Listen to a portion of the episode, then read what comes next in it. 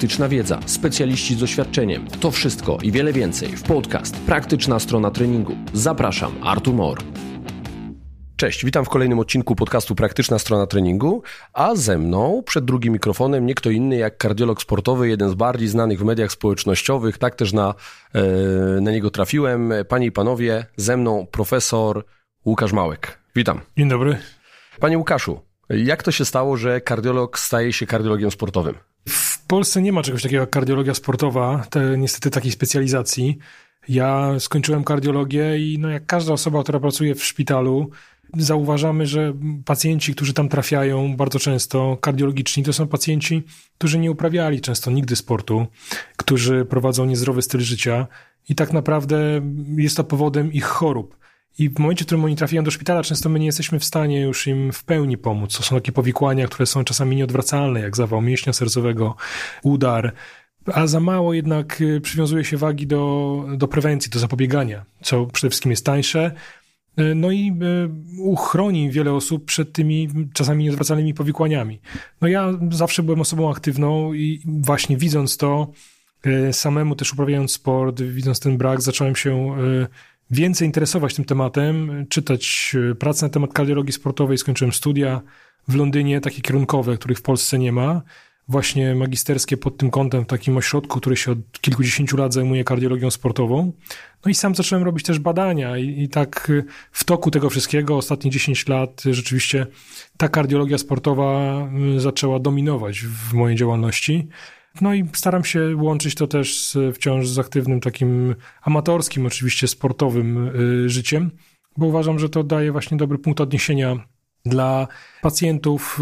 Lekarz, który uprawia sport, zawsze lepiej zrozumie sportowca niż, niż lekarz, który nie uprawia. To jest o czym rozmawialiśmy, zanim jeszcze włączyłem e, nagrywanie naszej rozmowy. Ja pochodzę ze świata związanej bardziej z tym aparatem ruchu, tego świata ortopedycznego.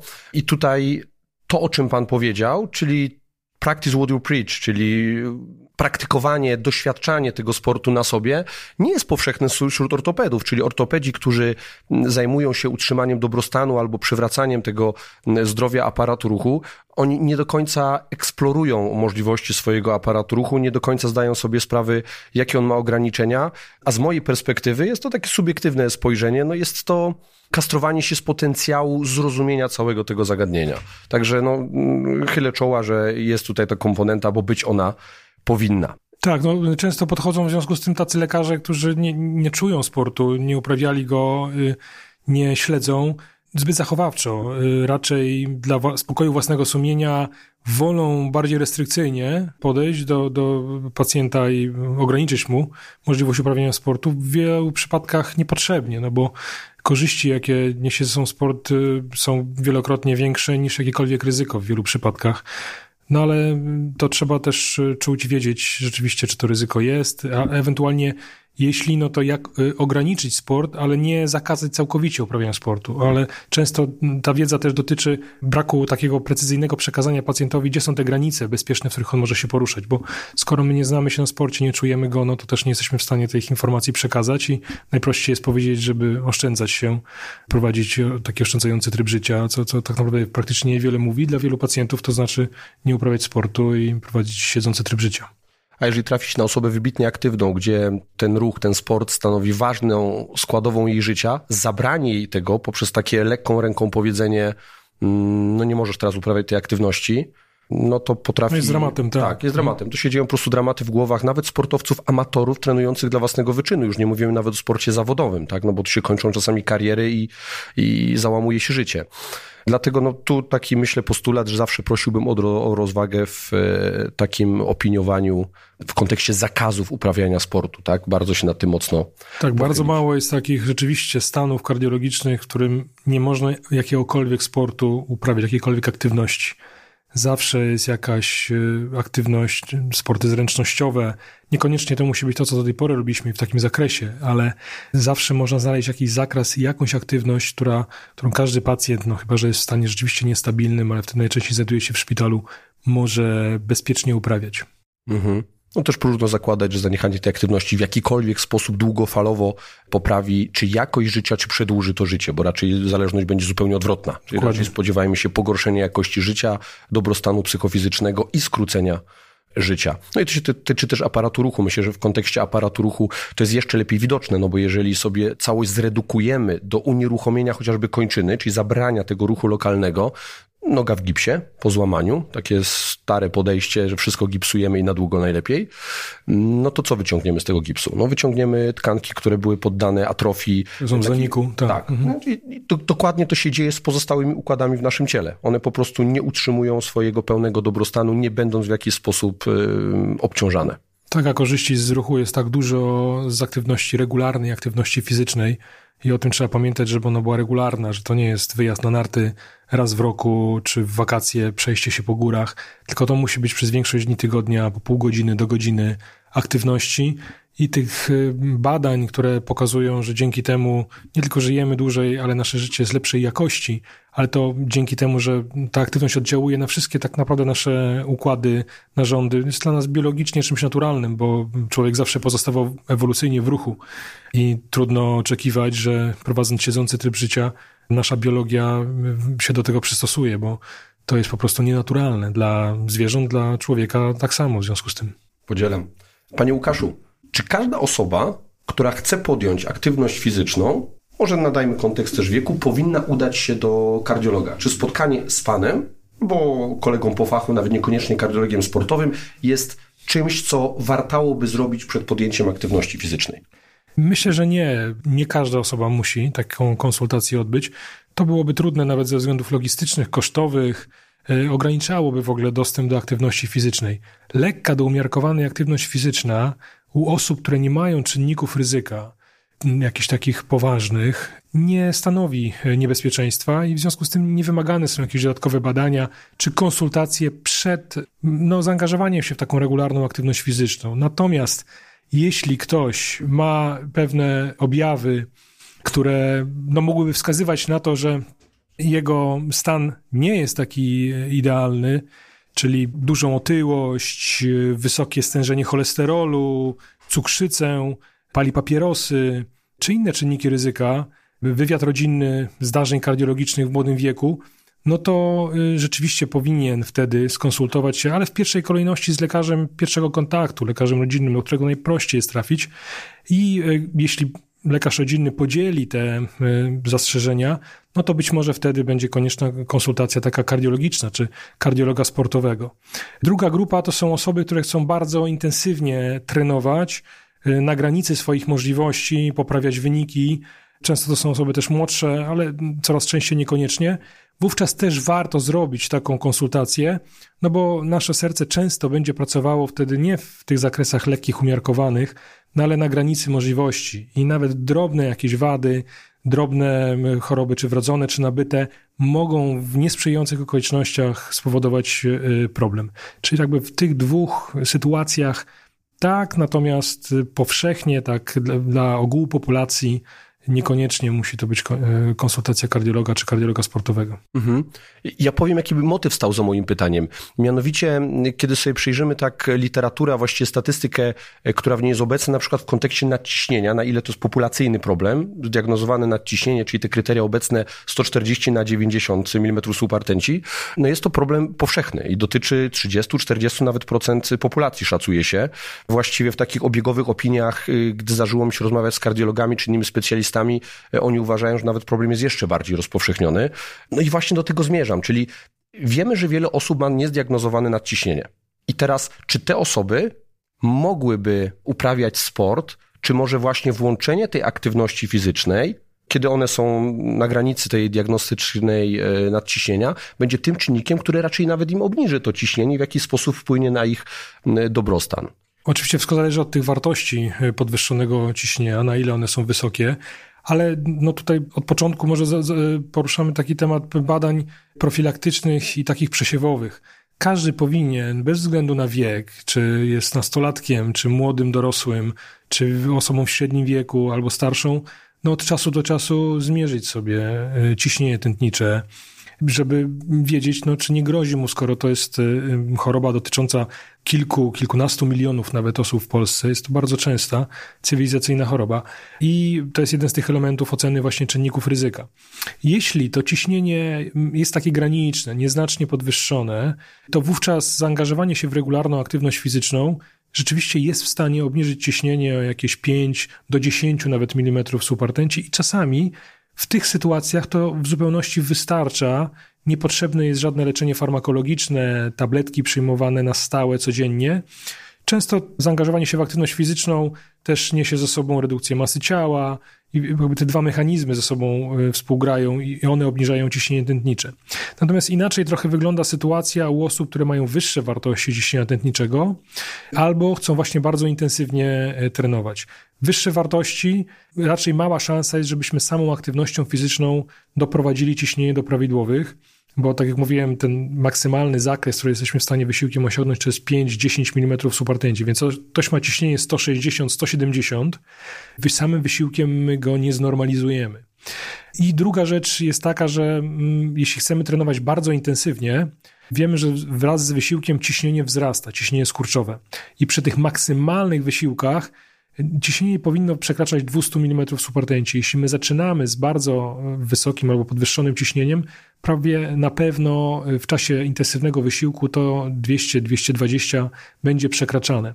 Więc do kiedy nasze ciśnienie nie jest y, unormowane, no powinniśmy ograniczać aktywności takie najbardziej intensywne i raczej skupić się na tych lekkich, umiarkowanych. No bo życie z wysokim ciśnieniem, czy to spoczynkowym, czy trenowanie z wysokim ciśnieniem bardzo intensywnie, będzie nam uszkadzało serce, nie tylko serce, naczynia i w ślad za tym inne, inne narządy, więc e, no takie, takie są zasady postępowania. Czyli jeżeli wyrównamy sobie ciśnienie, jesteśmy, mamy zdiagnozowane ciśnienie, powiedzmy ktoś trafił do lekarza z tym skurczowym 160, jeżeli on jest poddany leczeniu farmakologicznemu i jest ono znormalizowane, jest w tych normach e, referencyjnych, to może on już e, poddawać się obciążeniom treningowym takim, jak sobie życzy. Tak, e, w większości przypadków dowolnym, chyba że to ciśnienie, nadciśnienie trwało wiele lat, spowodowało, zanim było zdiagnozowane i leczone, spore spustoszenia w organizmie, powikłania takie narządowe, wtedy czasami może zajść konieczność pewnego ograniczenia tych najbardziej intensywnych, zwłaszcza wytrzymałościowych czy siłowych y, wysiłków, ale to ze względu na to po prostu, że to ciśnienie przez wiele lat było nieleczone i one już dokonały się pewne takie nieodwracalne zmiany y, w organizmie. Na ile powszechna jest taka sytuacja, gdzie ludzie no, nie monitorują tego swojego ciśnienia? I, I faktycznie dochodzi do takich ekstremalnych sytuacji, że no w pewien sposób już zabierają sobie możliwość pełnego uprawiania sportu. Ludzie rzadko niestety mierzą sobie ciśnienie, mimo że jest to teraz powszechnie dostępne. Jeszcze jakiś czas temu to były tylko takie ciśnieniomierze rtęciowe i trzeba było przyłożyć słuchawkę, żeby wysłuchać tony korotkowa. Teraz mamy automatyczne aparaty, w większości atestowane, dostępne za niewielkie pieniądze w każdej aptece. Najczęściej w rodzinie jest jeden, a czasami więcej aparatów, tylko po prostu nikt z nich nie, nie korzysta. No i... Znaczy nie, dla, dla babci, dla dziadka jest najczęściej. Tak, tak, tak, ale jest, jest też takie przekonanie, że wielu osób, że jeśli uprawiają sport, to mają taki trochę bilet na nieśmiertelność. Jeśli mm. ktoś regularnie uprawia sport, szczególnie młode osoby, to uważają się za, za nieśmiertelne i często nie wykonują badań, żadnych badań kontrolnych. Tak samo badań krwi pod kątem na przykład stężenia cholesterolu, y, ale też nie mierzą ciśnienia i czasami jest to zaskoczeniem, y, bo przypadkowo okazuje się, że to ciśnienie jest podwyższone. Ono przez wiele lat może nie dawać żadnych objawów, albo te objawy mogą być niekojarzone z naciśnieniem tętniczym. To może być jakieś pulsowanie w głowie przy dużych wysiłkach, bóle głowy, to może być takie uczucie ciężkości serca, ale nie są to jakieś specyficzne tylko i wyłącznie dla nadciśnienia objawy. W związku z tym mało osób kojarzy to z, z naciśnieniem tętniczym. A y, ważne jest to, że jeśli to ciśnienie jest wyrównane, dobrze kontrolowane, to najczęściej wydolność się poprawia, bo życie z wysokim ciśnieniem i trenowanie z podwyższonym ciśnieniem ogranicza naszą wydolność. No nasze serce musi wtedy pompować krew wbrew większemu oporowi, większemu ciśnieniu. W związku z tym, szczególnie przy dużych aktywnościach, no ono wykonuje większą pracę. I jeśli unormujemy to ciśnienie, najczęściej to, co zauważają pacjenci, to jest, że ich wydolność od razu się poprawia. I to bez jakiegoś zmian w treningu, po prostu poprawia się, bo to serce jest odciążone, łatwiej jest mu pracować także przy większych wysiłkach. Dobra, czyli do tej pory mamy jakby takie podsumowanie, że z perspektywy kardiologa sportowego ruch jest obligatoryjną częścią naszego życia. Przy nadciśnieniu, o którym rozmawialiśmy, jeżeli jest ono wyrównane, no to pacjent może jak najbardziej trenować, ale czy są ciemne strony uprawiania sportu? Co przez to rozumiem? Czy wysiłek fizyczny, czy to z naciskiem na te wysiłki metaboliczne, kondycyjne, y, aerobowe, czy z naciskiem na te wysiłki o takim charakterze treningu siłowego czy siłowo-szybkościowego, one mają jakieś e, ciemne strony? Czy, czy może podziać się coś niekorzystnego z perspektywy naszego zdrowia kardiologicznego? No wszystko powinno być e, robione z głową i w odpowiedni sposób. Tak jak e, wszystkie nasze działania y, w życiu z, z umiarem. Jest kilka takich scenariuszy, które można nakreślić, które no, ja spotykam w swojej praktyce. Pierwszy to jest osoba, która nie uprawiała sportu, czasami przez wiele lat albo nigdy w życiu, w pewnym momencie doznaje przebudzenia takiego aktywnościowego, ale zamiast powoli wejść w tą aktywność fizyczną, zacząć od treningów lekkich, umiarkowanych, bardzo szybko trenuje na najwyższych obrotach, chce realizować bardzo ambitne cele, czy to siłowe, czy wytrzymałościowe. No i organizm po prostu jest do tego niezaadaptowany, nieprzyzwyczajony i nawet nie mając specjalnie jakichś chorób y, kardiologicznych, można zrobić sobie krzywdę. Czyli jeśli nie jesteśmy odpowiednio y, przygotowani. Badania pokazują, że każdy taki bardzo intensywny, wymagający wysiłek, to jest pewien w momencie tego wysiłku, to jest taki paradoks aktywności fizycznej, czynnik obciążający dla organizmu. Korzyści z aktywności fizycznej czerpiemy głównie w momentach między aktywnością. No, to jest cała koncepcja y, stresu Hansa Selego, General Adaptation Syndrome, potem pojęcia superkompensacji i tego tak, balansu tak. pomiędzy stresem a recovery. Więc przez to, że my pół godziny do godziny coś porobimy, to potem korzyści mamy przez kolejne 22-23 godziny na, na dobę. Delban, Natomiast w czasie samej aktywności, im bardziej jest ona intensywna, zawsze to jest jakiś właśnie stres, to jest czasami reakcja układu zapalnego, to zawsze jest podwyższone ciśnienie, czy to są sporty siłowe, czy wytrzymałościowe, więc takim nieprzygotowanym, niezadaptowanym organizmie może się coś zdarzyć, szczególnie u osób, które mają już jakieś nabyte choroby, na przykład blaszki miażdżycowe, albo jakieś takie wrodzone, które do tej pory no, były ukryte, nie dawały objawów, bo ktoś nie uprawiał sportu, nie testował tego swojego organizmu w takich warunkach.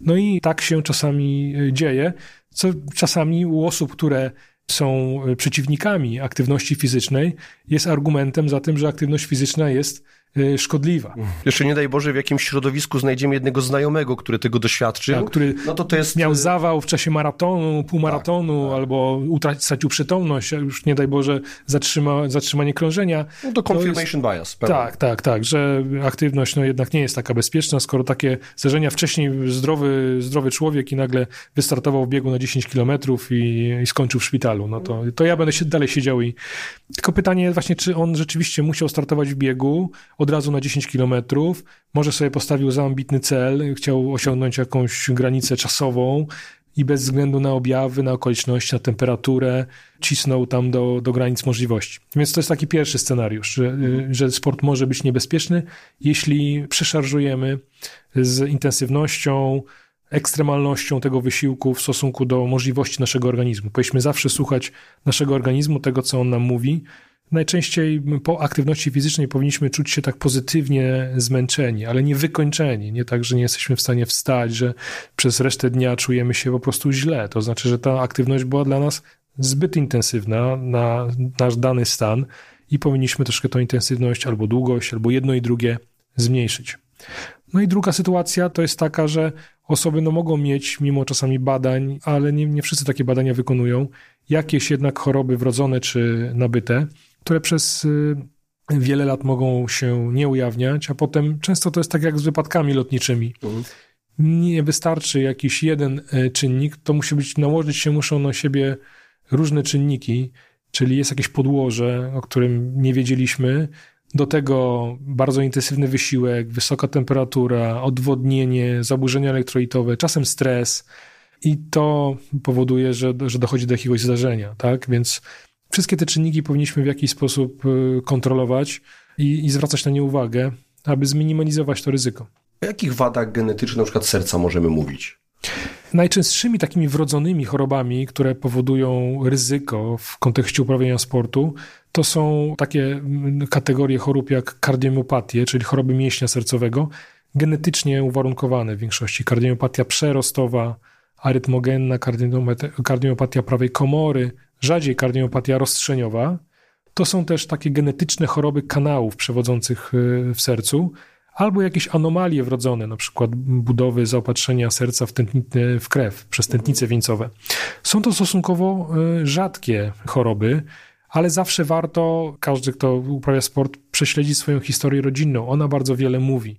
Czy w rodzinie występowały jakieś choroby w młodym wieku, które powodowały nagłe zgony. Czasami to mogą być nie wiem, zaśnięcia za kierownicą, czy utonięcia, których jakoś nie, nie można było wytłumaczyć inaczej, albo zgony we śnie w rodzinie, bo to jest takim czynnikiem ryzyka, który nakazuje wzmożenie czujności i być może przebadanie siebie, bo, bo może wskazywać na to, że gdzieś w rodzinie te geny odpowiadające za choroby y, tego typu genetyczne są. To są y, czynniki, które dominują u osób młodych. Natomiast im jesteśmy starsi, to mm, najczęściej już te genetyczne choroby wcześniej się ujawniają i, i, i by nas wyeliminowały albo byłyby rozpoznane, ale dochodzą do, do głosu bardziej te nabyte e, czynniki, zwłaszcza miażdżyca, czyli powikłanie nadciśnienia, nieleczonego wysokiego stężenia cholesterolu. Ale ten cholesterol też może być uwarunkowany genetycznie, taka hipercholesterolemia, która jest no, dziedziczna. Tak, dlatego tak samo jak ciśnienie. Jeśli jedno z naszych rodziców ma nadciśnienie, no to nasze ryzyko czterokrotnie wzrasta, jeśli oboje, no to ośmiokrotnie. Także to są takie mm, genetycznie uwarunkowane tylko nie pojedynczymi jakimiś genami, tylko takie wielogeno, wielogenowo e, choroby najczęściej. Więc powinniśmy taki wywiad rodzinny, rozmowę z rodzicami, informacje odnośnie tego, co było u naszych dziadków, zebrać, czy oni cierpieli na powikłania właśnie wysokiego stężenia cholesterolu, wysokiego ciśnienia albo jakieś inne zdarzenia, no bo to samo może zagrażać nami. Aktywność fizyczna niekoniecznie musi być e, wystarczająca, żeby to zminimalizować.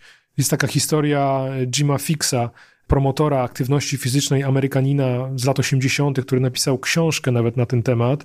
On uważał, że jeśli ktoś uprawia regularnie sport i nie pali papierosów, to bez względu na to, co je, jaki tryb życia prowadzi, na pewno nie zginie z powodu zawału mięśnia sercowego. Niestety e, los chciał, że on któregoś razu udał się na swoje takie codzienne bieganie, biegał kilkanaście kilometrów dziennie i doznał zatrzymania krążenia nagłego zgonu. W badaniu autopsyjnym okazało się, że miał zaawansowaną miażdżycę, ale jego historia rodzinna była taka, że ojciec zmarł przed 50 rokiem życia właśnie z powodu zawału mięśnia sercowego, miał bardzo wysoki cholesterol, no i akurat u niego ta dieta miała też kolosalne znaczenie. Aktywność y, fizyczna no to nie jest y, takie remedium na, na wszystko. My bardzo sobie pomagamy tą aktywnością, ale mm, to nie jest y, jedyne i wystarczające lekarstwo w niektórych sytuacjach. Tak, natomiast nawet z perspektywy budowania prozdrowotnych nawyków wiemy, że schemat tworzenia kolejnych nawyków działa tak, że jeden dobry nawyk sprzyja powstawaniu kolejnych. Czyli jeżeli bierzemy się za jakąś aktywność fizyczną, to robi to jakąś przestrzeń, jakieś okno, ażeby na przykład zrezygnować z papierosów, że widzimy, że idziemy do przodu z formą, więc może rzadziej będziemy sięgali po alkohol. Na pewno zaczynamy być eksponowani na wiedzę z zakresu świadomego żywienia, żeby jeszcze zwiększyć te efekty. No i jest spora szansa, że złapanie jednego dobrego nawyku, a zwłaszcza takiego związanego z ruchem, pociągnie kilka kolejnych. Tak, często tak jest, właśnie do, dokładnie. Osoby aktywne mniej, mniej palą, zdrowie się odżywają, jedzą mniej przede wszystkim. Takie badania też były. Wydawać by się mogło, że będąc aktywnym fizycznie, my więcej kalorii spalamy, w związku z tym jemy więcej, ale bardziej pilnują te osoby jedzenia i przede wszystkim nie przejadania się. Jedzą tyle, ile jest potrzebne, żeby zaspokoić głód, natomiast nie, nie przejadają się. Alkohol jest rzadziej no i dużo lepiej śpią, bo regularnie potrzebują regeneracji, wiedzą, że jeśli się nie wyśpią, że jeśli za późno pójdą spać, to trening następnego tak dnia, aktywność fizyczna będzie nieudana.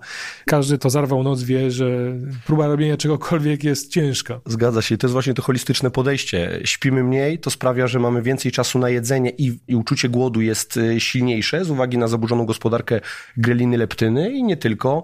Aktywność fizyczna pomaga regulować sen, pomaga regulować gospodarkę hormonalną. No to jest ta holistyka. To jest... Yy to jest idealne zobrazowanie, że wszystko wpływa na wszystko. Tak, i to i też coraz więcej badań jest dużych takich populacyjnych grup, jak Framingham Heart Study czy UK Biobank. Ja od czasu do czasu je zamieszczam też w mediach społecznościowych, właśnie powiązań między tymi poszczególnymi elementami tak zwanego zdrowego stylu życia. Osoby, które nie dosypiają, jeśli angażują się w regularną aktywność fizyczną, mają mniejsze powikłania tego niedosypiania. Nie zawsze jesteśmy w stanie się dobrze wyspać z racji pracy zmianowej czy innej. Aktywność może nam pomóc zniwelować te negatywne efekty. Ostatnio pojawiło się badanie pokazujące, że osoby, które stosują dietę śródziemnomorską, tą taką naj, najzdrowszą, najbardziej zalecaną, mają y, lepszą wydolność. Oczywiście tutaj w tego typu badaniach nigdy nie wiadomo, co jest pierwsze, co jest drugie, ale na pewno istnieje powiązanie między tymi wszystkimi elementami. One wpływają na siebie i to jest nieuniknione. Jakby trzeba to zrozumieć, zaakceptować i czasami próbując y, wyeliminować jakiś nawyk, można działać pośrednio na niego, nie? próbując wprowadzić inne pozytywne, które może z perspektywy czasu wpłyną na ten niekorzystny. No dobrze, a z jakimi problemami kardiologicznymi zmagają się najczęściej e, sportowcy, którzy wydawać by się mogło, że to są osoby no, w, pełni, w pełni zdrowia takiego fizycznego i na pewno kardiologicznego, a co w, na przestrzeni ich kariery, w zależności czy to są sportowcy wytrzymałościowi czy siłowi, może się u nich pojawić? Jakie jednostki chorobowe? Taką najczęstszą osób, które już są regularnie badane i dużo takich wrodzonych y, czy nabytych chorób udało się wykluczyć czy, czy zacząć leczyć, to borykają się z takimi nabytymi problemami, jak na przykład zapalenie mięśnia sercowego, które częściej dotyczy y, sportowców. To jest y, wirusowa choroba, wirusowe zapalenie najczęściej mięśnia sercowego, które y, może się pojawić, jeśli ktoś ma infekcję górnych dróg oddechowych czy przewodu pokarmowego, no i niestety w tym czasie dalej trenuje, szczególnie z gorączką. Nie zrobi sobie tego tygodnia kilku dni przerwy od treningów, bo to udowodniono na modelu zwierzęcym, aktywność fizyczna zwiększa wiremię, zwiększa stężenie wirusa w krwiobiegu i on może też zaatakować serce. I takie zapalenie mięśnia sercowego jest potencjalnie groźną chorobą. Jest to jeden z czynników nagłego zatrzymania krążenia i wymaga wtedy długiej przerwy od sportu, 3-6 miesięcznej ale też może zostawić konsekwencje takie na, na trwałe w postaci niewydolności serca, które wyłączą nas ze sportu. I to jest taki no, trochę nieprzewidywalny y, czynnik, bo każdy może mieć infekcję tak, górnego y, układu oddechowego czy, czy przewodu pokarmowego, ale trzeba pamiętać, że ostrożnie trzeba wtedy podchodzić do aktywności, dać sobie chwilę, żeby organizm mógł zwalczyć chorobę, a nie starać się zwalczyć ją wysiłkiem, bo to jest no, to niedobre są, podejście. Tak, i to jest myślę cały czas zbyt powszechne w takich obiegowych e, opiniach, praktykach. Wypocić. Tak, tak. Nie? To się dzieje dwojako, czyli czasami to się dzieje po grubej imprezie, nie? kiedy ktoś ma porządnego kaca, idzie na saunę albo jeszcze konkretny trening właśnie, żeby wypocić, albo próbuje chorobę wypocić. Nie? No jakby poziom irracjonalności w ogóle sformułowania wypocić chorobę, jakby usuwanie wirusa z ciała odbywało się poprzez pocenie. To jest bardzo ryzykowne podejście. No niektórzy nie? trenerzy tacy starszej, starszego pokolenia niestety do tej pory zalecają czasami maratończycy tego typu podejścia. No, trzeba z tym, tym walczyć i jasno powiedzieć, że w ten sposób zwiększamy sobie tylko ryzyko zapalenia mięśnia sercowego, no więc powinniśmy unikać tego jak, jak tylko możemy. No bo mogą się pojawić problemy. Zamiast kilku dni przerwy możemy narazić się na wielomiesięczną przerwę albo w ogóle wyłączenie z uprawiania sportu. zdrowia. Także to jest pierwszy czynnik. W sportach siłowych niestety, w Polsce zwłaszcza, dużym problemem są środki dopingujące. Czyli przerost mięśnia sercowego. Przerost mięśnia sercowego, nadmierne zagęszczenie krwi, wysoki hematokryt i w związku z tym zakrzepica zatory, z czym ja się spotykam, bądź niewydolność serca. I rzeczywiście trafiają do mnie osoby trenujące siłowo, które borykają się z powikłaniami stosowania środków anabolicznych y, androgenowych. No a tu trzeba powiedzieć, że statystyka jest nieubłagana, to znaczy nawet decydując się na hormonalne terapie zastępcze, czyli jeszcze w myśl zasad takich, które są w obrębie medycyny i powiedzmy nawet przyjmowanie testosteronu w ilościach takich medycznych 100-200 mg tygodniowo, czy tam na 5 dni, w zależności od tego, jaki to będzie estr, no wydaje się być to taką praktyką jeszcze mieszczącą się w ramach y, medycyny. Natomiast najczęstszym powikłaniem tego typu hormonalnych terapii zastępczej właśnie w statystykach jest czerwica wtórna. Tak. Także to, to jest, jest też nadciśnienie, w związku z tym, o ile to jest prowadzone pod kontrolą endokrynologa, y, androloga, to tak, no, natomiast wiele osób stosuje to bez żadnej kontroli. Mi się nie zdarzyło spotkać pacjenta, który do mnie trafił rzeczywiście z powikłaniami, który stosował taką terapię zastępczą i miał poziom testosteronu w granicach referencyjnych. To są często kilkukrotnie, kilkunastokrotnie przekroczone wartości normy, mimo teoretycznie stosowania e, małych dawek. To znaczy, że te dawki wciąż są za duże, za często podawane, nie są wykonywane regularnie badania kontrolne.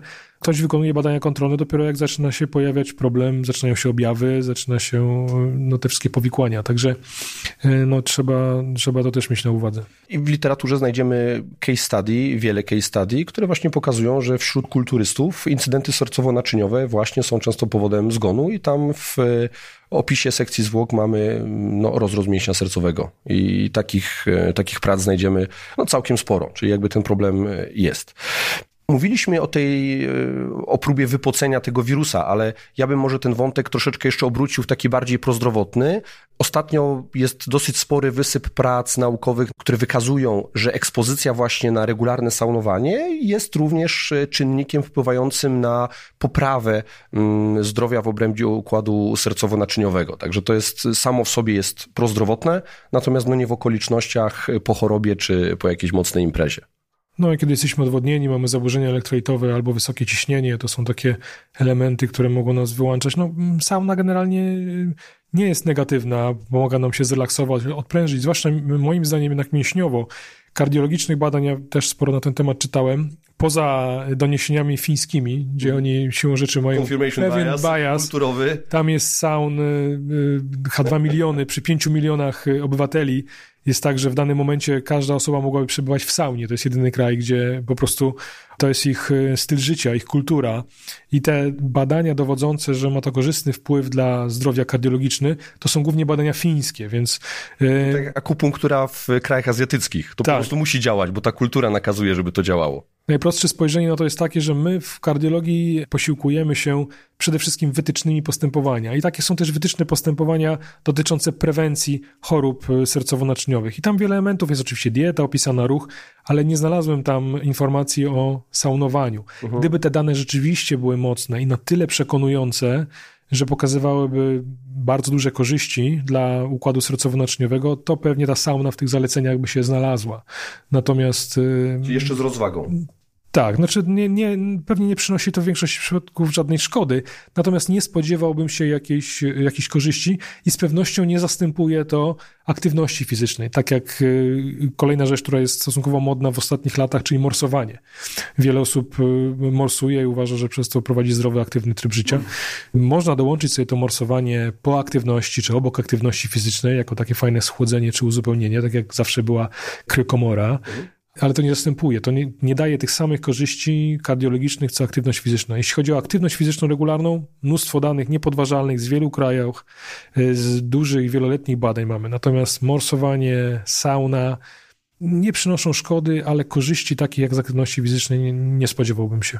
Jeszcze w naszej rozmowie padł taki wątek, który teraz do mnie wrócił jak bumerang, mianowicie jeżeli w wywiadzie mamy śmierć na przykład w czasie snu, tak, znaczy w wywiadzie rodzinnym, tak, ale ja to in, nasunęło mi się zupełnie coś innego, a mianowicie zdarza się słyszeć historię, że sportowcy, którzy wiele lat uprawiali sporty wytrzymałościowe na wysokim poziomie, ich tętno spoczynkowe jest niskie i w czasie snu ono jeszcze będzie spadało, że im grożą właśnie takie incydenty sercowo-naczyniowe w czasie snu. I czy sport może doprowadzić do czegoś takiego, czy tu więcej jednak mitów i legend w tym? O, o, tym, o czym mówimy, czyli takiej adaptacji elektrycznej, raczej więcej jest tutaj e, legend. E, w tych chorobach, o których mówiłem wcześniej, to też nie jest tak, że do nagłego zgonu dochodzi tylko i wyłącznie w czasie aktywności. To może być w godzinach po aktywności albo właśnie e, we śnie. Więc to niekoniecznie musi być związane z wolnym rytmem. To może być po prostu inny objaw choroby serca. Tak jak wielokrotnie miało to miejsce, na przykład piłkarz taki Davida Astori, kapitan Fiorentiny, który kilka lat temu zmarł w nocy w pokoju hotelowym przed meczem wyjazdowym, okazało się, że on miał kardiopatię, taką chorobę mięśnia, która po prostu była nierozpoznana. No ale los chciał, że to nie wydarzyło się na treningu w czasie meczu, tylko właśnie w nocy przed meczem. Natomiast rzeczywiście regularna aktywność, szczególnie taka wytrzymałościowa, zwalnia nam tętno spoczynkowe. To jest objaw takiej zdrowej adaptacji. Rośnie nam serce, powiększają się jamy, w związku z tym żeby przepompować taką samą ilość krwi w ciągu minuty przez nasz organizm, serce może być wolniej, bo objętość pozostanie taka sama. I rzeczywiście bardzo wytrenowani sportowcy wytrzymałościowi często mają tętno rzędu 30 kilku, 40 uderzeń na minutę, ale nie powoduje to jakiegoś ryzyka w nocy, że to serce się zatrzyma, czy będzie było. To wszystko mieści się w jakichś granicach. Chyba, że ktoś ma jakąś dodatkową chorobę serca, niezwiązaną z aktywnością fizyczną, ale też do takich wtedy zgonów w nocy rzadko. Częściej pojawiają się wtedy objawy w czasie dnia, w czasie aktywności fizycznej. Zwolnienie w nocy, dodatkowe jeszcze tętna, czasami nawet przerwy krótkie w pracy serca, to też jest wciąż element adaptacji do aktywności fizycznej. Mhm. To teraz, jeżeli ktoś po naszej rozmowie w głowie mu zaświta, kurczę, no, ktoś tam w rodzinie faktycznie przedwcześnie zmarł w jakiś 40, 45, 45 roku życia, powinien udać się do kardiologa. I jakich badań on się powinien spodziewać? EKG, echo serca, e, próba wysiłkowa? No u nas właśnie niestety y, ta opieka nad osobami, rodzinami osób, gdzie był nagły zgon, nie jest tak dobrze y, skonstruowana jak na przykład w Wielkiej Brytanii czy, czy w niektórych innych krajach. Często te badania przede wszystkim wychodzą od koronera. U nas nie ma takiej funkcji. Osoba, która zmarła nagle, jest podawana badaniu autopsyjnemu, ustalona jest przyczyna. Czasami bankowana jest krew czy tkanki na, na potrzeby późniejszych badań. I znając tą przyczynę, my wiemy, jak postępować wtedy z innymi członkami rodziny. U nas bardzo często nawet jak występuje nagły zgon w rodzinie, to albo nie było przeprowadzonej sekcji, nawet u osoby młodej, a powinna być, no bo właśnie istnieje wtedy ryzyko jakichś genetycznych czynników, które rzutują na, na resztę członków rodziny, a tak nie jest, albo te badania są no, niedrobiazgowe, tak jak powinny być. W związku z tym my często troszkę szukamy igły w stogu siana. Wiemy, że w rodzinie wystąpił nagły zgon w młodym wieku, ale rzadko znana jest przyczyna. I trzeba zaczynać w związku z tym od samego początku, czyli od zebrania informacji y, o tej osobie, która zmarła, jakie były okoliczności tego zdarzenia, czy ona miała jakieś czynniki ryzyka, co już może nam pomóc y, no, i wskazać jakiś kierunek. Natomiast przede wszystkim w pierwszej kolejności badamy krewnych pierwszego stopnia, czyli dzieci, rodziców, jeśli mamy dostęp do tych danych, Zaczynamy od y, takiego ogólnego badania i wywiadu y, odnośnie dolegliwości, a wykonujemy też podstawowe badania w postaci elektrokardiogramu, takiego spoczynkowego EKG, często echo serca. W ślad za tymi dwoma badaniami, dopiero w zależności od tego, co znajdziemy, y, idą kolejne. Tych badań, ta paleta badań kardiologicznych jest ogromna. Nie ma niestety jakiegoś jednego badania kardiologicznego, które byłoby kompleksowe, idealne z każdego wyciągamy troszkę inne informacje, więc też dobrze, zanim ktoś zacznie robić dużo tych badań kardiologicznych, skonsultować się, żeby nie robić ich na ślepo, niepotrzebnie, chaotycznie, tylko żeby podążać jakąś ścieżką diagnostyczną, przechodząc od tych najprostszych, najtańszych, najłatwiej dostępnych badań, ale dopiero w razie potrzeby do tych droższych, bardziej szczegółowych, czasami też nieprzyjemnych e, badań, na których jest e, multum inwazyjnych i nieinwazyjnych w kardiologii. Więc to w jakiś sposób powinno być ukierunkowane.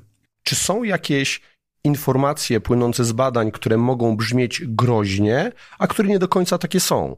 Arytmia, e, niedomykalność zastawek. No, z zasady będzie to brzmiało groźnie, ale teraz czy jest to bezwzględnie groźne, czy jest pewien kontekst, który czyni to groźnym? Zawsze, zawsze jest kontekst y, i wszystko zależy od tego, y, jak zaawansowane są te opisane tam stany, czy mm, jeśli chodzi o zaburzenia rytmu, to mamy groźne, niegroźne, łagodne, nawet one są określane czasami łagodne. I dobrze jest opisując także badania, umieszczać tego typu informacje w opisach, żeby nie powodować niepotrzebnego stresu i stygmatyzacji, no właśnie naklejanie jakiejś od razu etykiety choroby u osoby, która ma na przykład małą niedomykalną czy śladową niedomykalność zastawkową, którą jakbyśmy dokładnie zbadali, to występuje u, u większości społeczeństwa. Zastawki jak się zamykają, to one nigdy nie zamykają się przy większości przypadków zupełnie szczelnie i my widzimy jakieś drobne przecieki. Można tego w ogóle nie opisywać i to jest jedna praktyka, żeby właśnie nie powodować niepotrzebnego stresu, bo to nie wymaga najczęściej żadnej kontroli, skoro występuje u każdego czy u większości osób. Albo można opisać, pisząc, że jest to łagodne, nieistotne hemodynamicznie, właśnie niewymagające kontroli. I wtedy taka osoba nie czuje się chora. Natomiast rzadko niestety tak się dzieje i, i osoby no, mają poczucie, bycia chorymi, kiedy to rzeczywiście nie jest, nie jest prawda. Więc czym innym są oczywiście zaawansowane, takie już powikłane wady zastawkowe, ale to gdzieś taka interpretacja powinna się znaleźć w opisie. Tak samo jeśli chodzi o zaburzenia rytmu. Mamy różne kategorie zaburzeń. To mogą być łagodne, takie niewinne zaburzenia, które nie stanowią żadnego ryzyka poza nieprzyjemnym odczuciem. One najczęściej y, charakteryzują się tym, że w czasie wysiłku znikają, a nie nasilają się rzadko dają inne objawy poza uczuciem jakiegoś przeskakiwania lekkiego w sercu, nie są związane z żadną chorobą e, serca i dlatego określane są jako łagodne. A czym innym są zaburzenia rytmu, które właśnie mają przeciwną charakterystykę, nasilają się w wysiłku, powodują objawy, czy towarzyszą jakiejś chorobie serca, więc wszystko ma pewien swój kontekst i słysząc, że mamy arytmię czy niedomykalność, to nie powinniśmy od razu uważać się za e, chorych. Powinniśmy tak, jeśli nikt nie skonsultował z nami tego wyniku, no to, to go skonsultować, żeby się uspokoić albo, albo wiedzieć, czy tak naprawdę musimy się kontrolować, jak regularnie i czy to rzutuje w jakiś sposób na naszą aktywność. W świecie przygotowania motorycznego, takiego świadomego treningu, elementem monitoringu tego procesu treningowego może być, a właściwie dobrą praktyką i powinno być zbieranie pomiarów tętna porannego oraz ewentualnie mierzenie rytmu zatokowo-przedsionkowego, czyli tego HRV, tej... E, zmienności tego rytmu, tak. Tak, zmienności tego rytmu, który będzie nam, sugeruje się, że będzie nam mówił o tym, jak wygląda tutaj aktywność tego układu współczulnego do przywspółczulnego, tak? Czyli na ile my się regenerujemy. Czy to nie jesteśmy przypadkiem przeciążeni tymi obciążeniami, na ile to ma realną wartość. I może zacznijmy na początku od HR, a potem do HRV, albo obu. Ma to rzeczywiście, tak jak paszporty biologiczne u sportowców, tak u amatorów też, pewna powtarzalność, niezmienność różnych parametrów. Teraz zegarki nasze coraz więcej e, parametrów są w stanie mierzyć. Nie tylko HR, ale też e, saturację, nasze poczucie nie wiem, stresu, zmęczenia, e, snu. Im wszystko jest bardziej stabilne, tym znaczy, że mm, sytuacja jest wciąż taka spokojna. E, nie musimy się martwić, że coś się z nami dzieje, czy nam zagraża, czy w jakiś sposób się przetrenowaliśmy. Natomiast rzeczywiście, i to też pokazały w czasie pandemii e, tego typu urządzenia, że czasami zmienność tego tętna spoczynkowego czy innych parametrów w pierwszych dniach choroby, nawet zanim pojawią się jeszcze objawy, już była w stanie wykazać, że coś z nami jest e, nie tak. Więc tak, warto na nie patrzeć, ale też nie tak ślepo. Yy, Szukać raczej trendów, tak, zmian, aniżeli jakichś drobnych jakichś, tak, tak, lekkich odchyleń, które mogą wynikać z zaburzenia y, zegarka, czy z jakiejś sytuacji chwilowej, tak? HRV jest takim kolejnym parametrem, który w kardiologii niespecjalnie się sprawdził i on już jest troszeczkę pase. Został zaadaptowany w wielu urządzeniach mierzących, ale do niego też trzeba podchodzić z pewną rezerwą. Bardzo wiele czynników wpływa na to HRV.